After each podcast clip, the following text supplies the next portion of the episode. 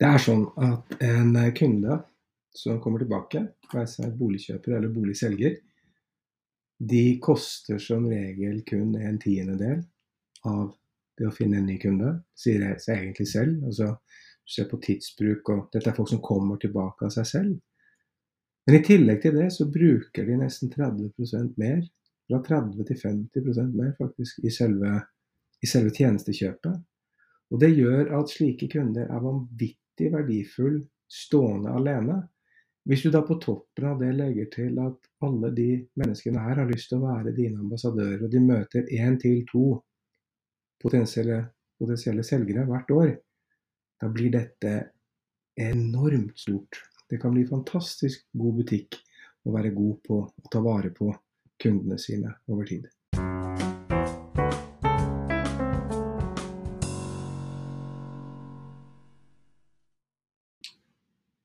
Ja, men da er vi klare for en ny episode av Visningsterapi.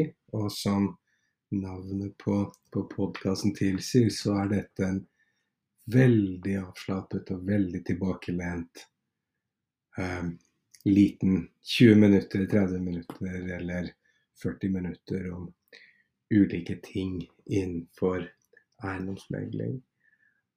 Og det er litt viktig at man kanskje tenker på det her. Når vi snakker om eiendomsmegling, vi er en podkast for oss som har lyst til å bli flinkere i eiendomsmegling.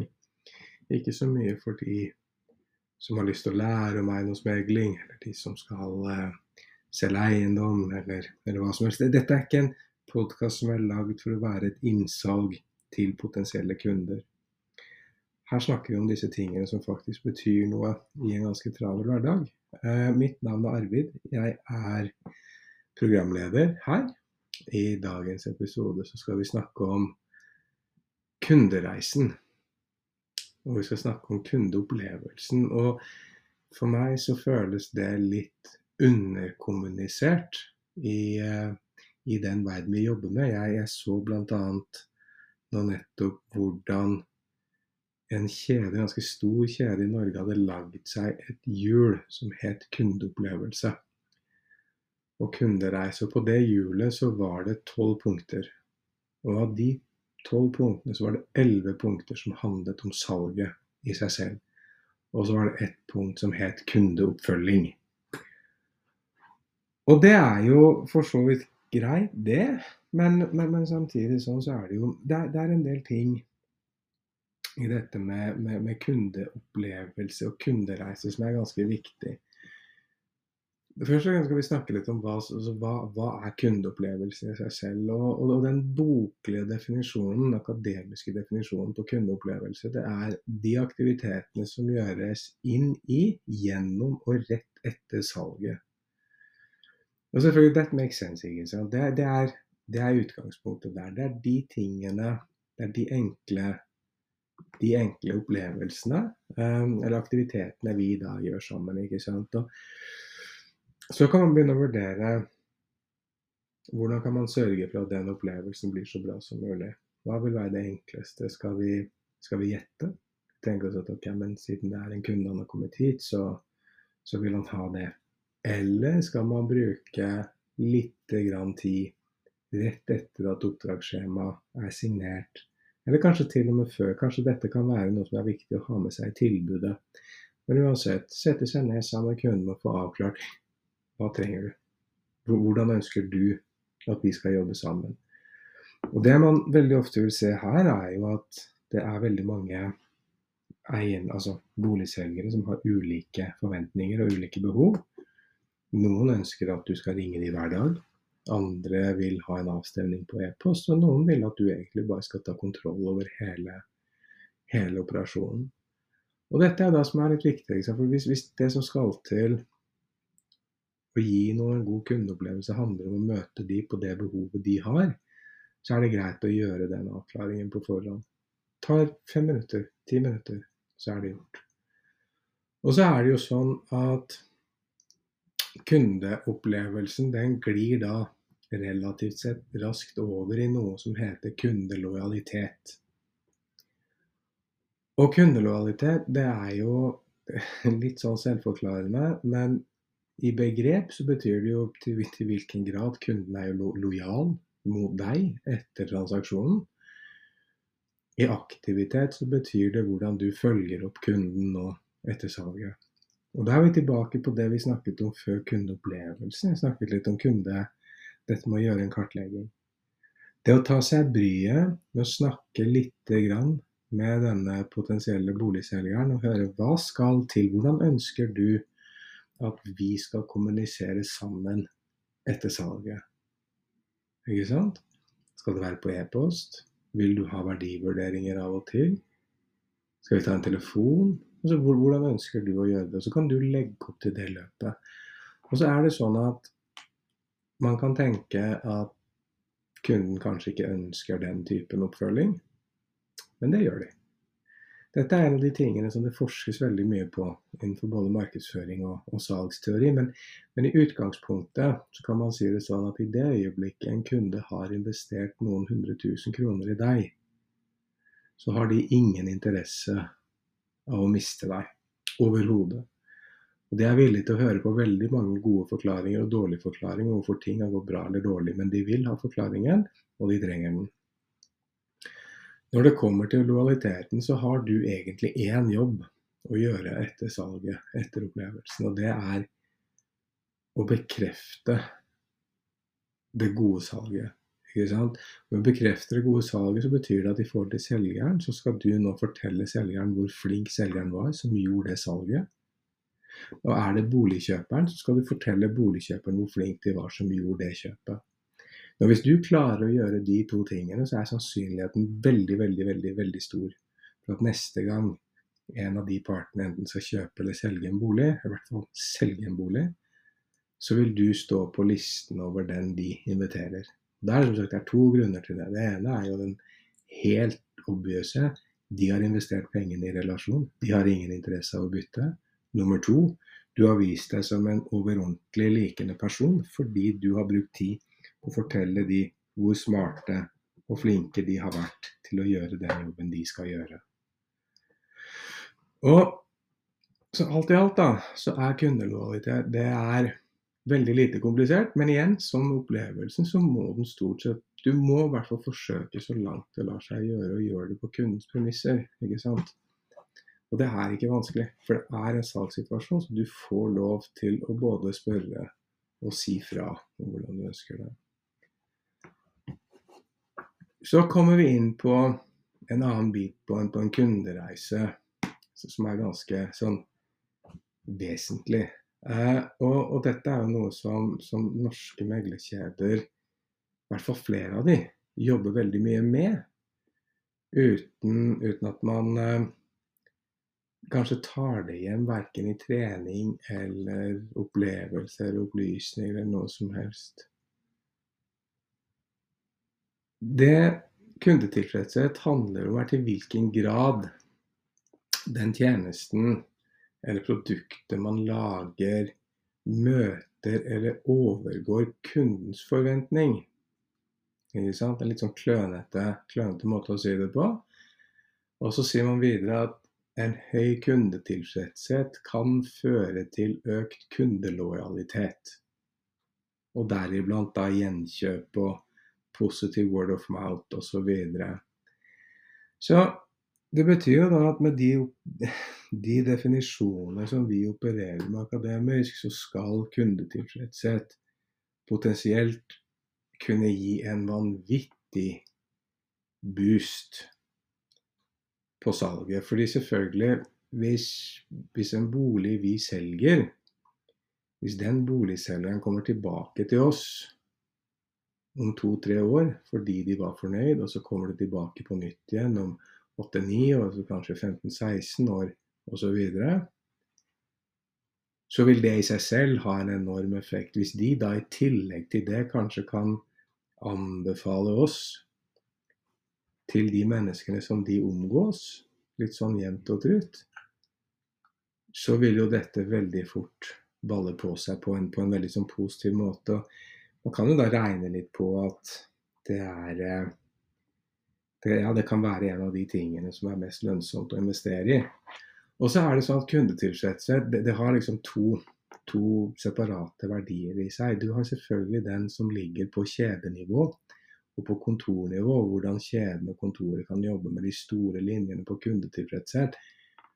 Men det er også en veldig sånn mellommenneskelig faktor her. fordi hvis, hvis dine kunder er veldig fornøyd med den jobben du har gjort, og de er fornøyd med den jobben du har gjort fordi du har vært flink til de å snakke med og gjort en forventningsavklaring på, på, på hvordan de ønsker at hele salgsprosessen skal være, og så har den vært god.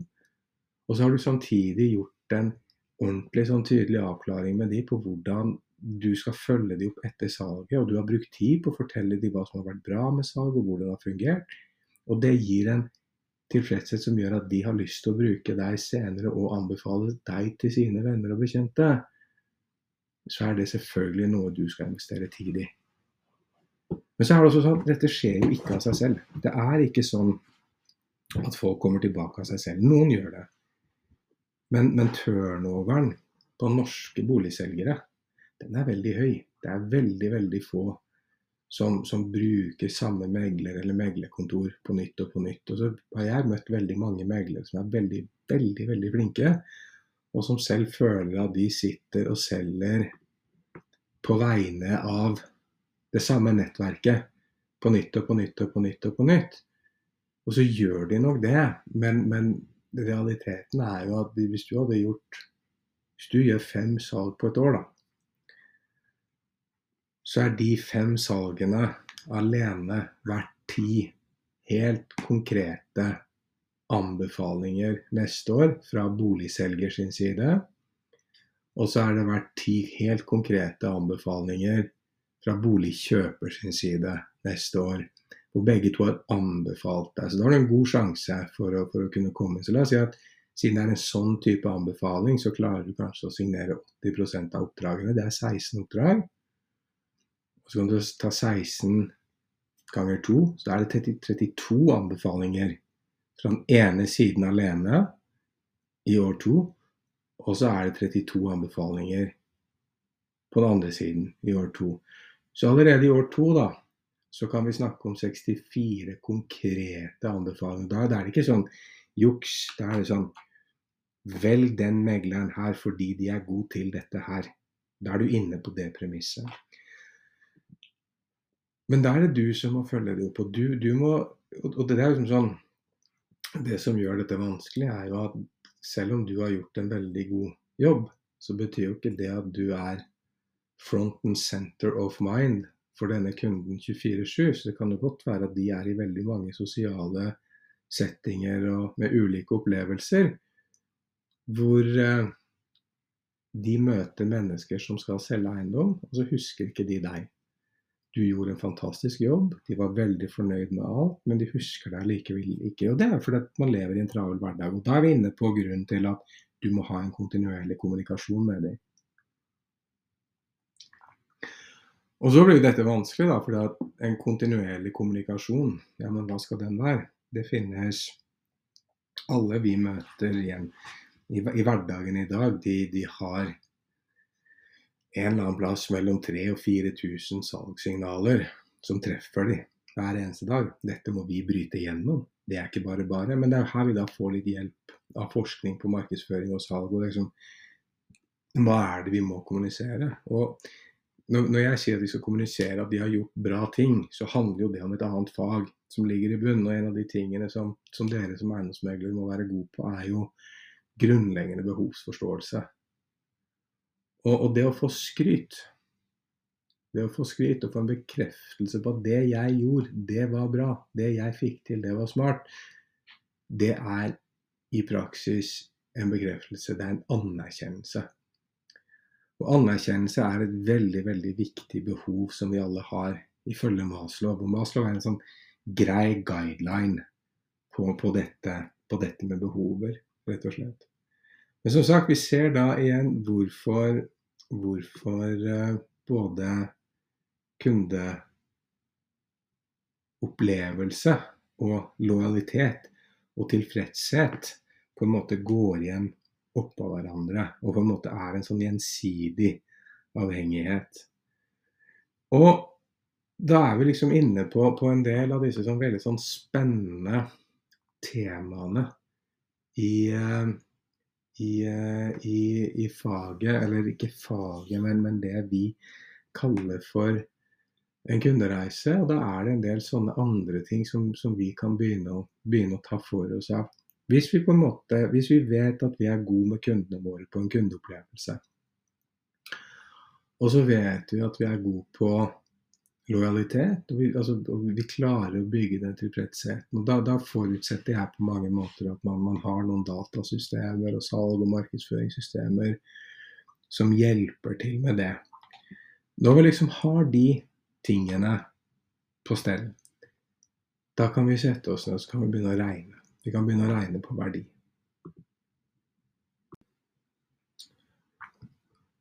Og kundeverdi, dette er vanskelig og viktig og veldig upløyd mark for veldig mange i, i meglerbransjen. Men det vi kan snakke litt om, da, altså vi har noe som heter customer retention.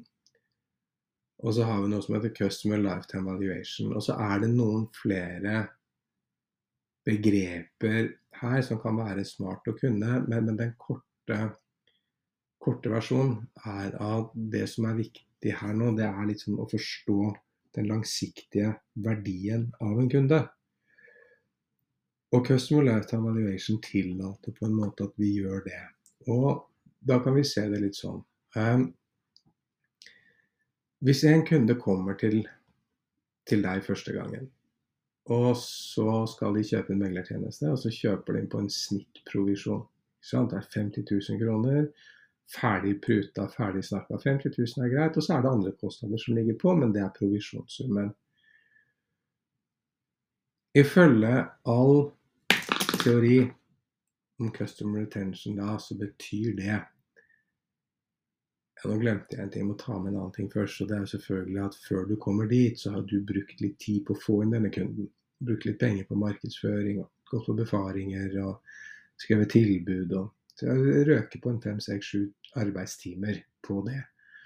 Det er veldig få eiendomsmeglere som regner en kostpris på et par tusen kroner der, men la, la oss si uansett at det er i hvert fall 300 kroner i timen. Så et par-tre tusen kroner har du investert i den relasjonen før det blir et salg.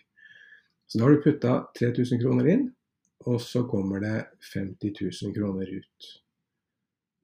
Og det er liksom, da, da, er det en avanse her på 47 000 kroner. Du skal selvfølgelig produsere opplegg og sånt, men, men kjøpekostnaden din på å få oppdraget var ca. 3000 kroner, inklusive litt markedsføring og sånn. Så tjener du 50 000. Det vi da kan regne på i utgangspunktet, kan vi først regne på hva Hvis du ikke må investere de 3000 kronene for å komme inn, la oss si at det er 300 kroner istedenfor. For det er det som viser seg. Det er 300 kroner istedenfor.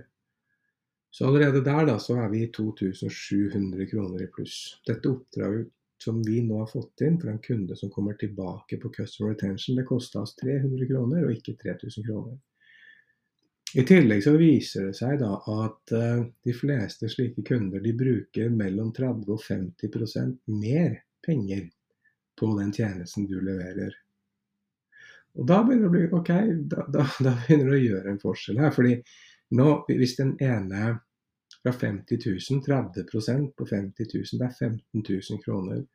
Så da går det fra 50 til 65 000 kroner. Og når du da hadde 47 000 kroner i avanse første gang, altså 50 minus 3, 47 000, så blir det nå 65 000 minus 300. Så det er 64 700. Og det er 17 600 kroner mer i fortjeneste på runde nummer to. I seg selv, hva, hvor, hvor, mye har det å si? Da, man akkurat på ti salg da, så er det 200 000 kroner ekstra i året. Jeg vet at det er 178 000, men, men 200 000 give or take. På 20 salg så er det nesten en halv million. Altså, Poenget er at de pengene der, de baller veldig, veldig fort på seg. Og de gjør veldig fort forskjellen på, på bunnlinja for deg som eiendomsmegler også. Og så kan man da begynne å sette seg ned og begynne å regne på det her. ikke sant? Fordi at du vet nå at vi snakket om dette med, med kundeopplevelsen først. Så er kundeopplevelsen god. Kunden har i utgangspunktet sagt at jeg vil jeg investerer to altså Når en kunde kjøper deg, så sier de at jeg vil investere fra 100 000 kroner i den tjenesten du leverer for at jeg skal få til det jeg vil. Og så har du customiza en opplevelse av den tjenesten du leverer til den kunden. Og så har du customiza lojaliteten, sånn at du vet at den oppfølgingen den kunden får, og den er strømlinjeforma, den er perfekt tilpassa det behovet den kunden har. Så kunden er nå kjempetilfreds. Som betyr at kunden både kommer tilbake med sine egne salg, som gjør at ja, men det tjener du mye mer på, samtidig som den kunden også vil, så fremt du er god på selve kundereisen, nå vil anbefale deg til sine venner og bekjente. Når jeg starta podkasten i dag, så sier jeg at jeg føler at dette her er veldig underkommunisert i meglerbransjen. Og så har jeg snakka litt med ulike meglere om det. Litt daglige ledere, noen kjedeledere osv. Så, videre, så sier de at eh, mange sier at de, de syns det er vanskelig. Ikke vanskelig, men de, de føler kanskje ikke at de får, får, betalt for å gjøre en sånn type investering. Og jeg er vel også litt enig i det, at det kan være vanskelig vanskelig å gjøre det. fordi man blir sånn usikker hvor, hvor er det investeringen må gjøres. Og på kjedenivå så er det som vi sier, det er vanskelig fordi det behovet en kunde har på Majorstua i Oslo, er ikke det samme behovet som man har på Snåsa i Nord-Trøndelag. Det er ulike behov hos kunder der ute. Så vi, vi, kan ikke automatisere en sånn kundereise fra kjeden sin del eller fra kontoret sin del og forvente at det fungerer prikkfritt. Da blir det mer sånn, men, men hva gjør vi da istedenfor? Og Istedenfor så betyr jo i praksis at da må vi ned på, på meglernivå. Det betyr at det er ditt ansvar. Du må sørge for dette her. Det er din, det er, det er din inntjening vi snakker om. Hvis du klarer å bruke ti minutter sammen med kunden din før du setter i gang salgsprosessen, for å avklare sånn 100% hvordan vil du at vi to skal ha det sammen? Hva skal vi to gjøre? Hvordan skal vi to få til dette her? Eller vi tre? Eller vi fire? Eller vi fem? Og så det neste liksom var sånn Og når vi er ferdig, så vil jeg veldig gjerne få lov til å følge deg opp. Hvordan skal vi gjøre det? Hva, hva er det som er viktig for deg i en sånn type prosess? Hvordan skal det foregå? Og Hvis du gjør de to tingene bra, de har investert pengene i deg, og du skaper en perfekt opplevelse, du sørger for at de følges opp akkurat sånn som de skal følges opp, men da skjer to ting. For det første så vil de invitere De blir jo tilfreds, da, ikke sant? Og da vil de invitere deg på befaring neste gang de skal selge. Og hvis du er god på oppfølgingen, dette med kundekvaliteten, og gjør det jevnt og trutt, så vil de også huske deg oftere enn de glemmer deg i forbindelse med de venner og bekjente de har. Det betyr ikke at de venner og bekjente kjøper deg, men du kommer i hvert fall inn på veldig veldig gode vilkår. Altså med, med, vilkår her så mener jeg ikke kontraktsvilkår, men du kommer inn på et prinsipp og et premiss som er veldig bra for deg og den tjenesten du skal levere. Og Hvis du da i tillegg vet at det som vi snakket om med hensyn på, på inntjeningen, at inntjeningen går fra 47 000 til til noen og 60 000. Hva var det jeg sa? 64 700. Og hva blir det da i prosent? Jeg skal ta det her på en kalkulator. Skal vi se. Det er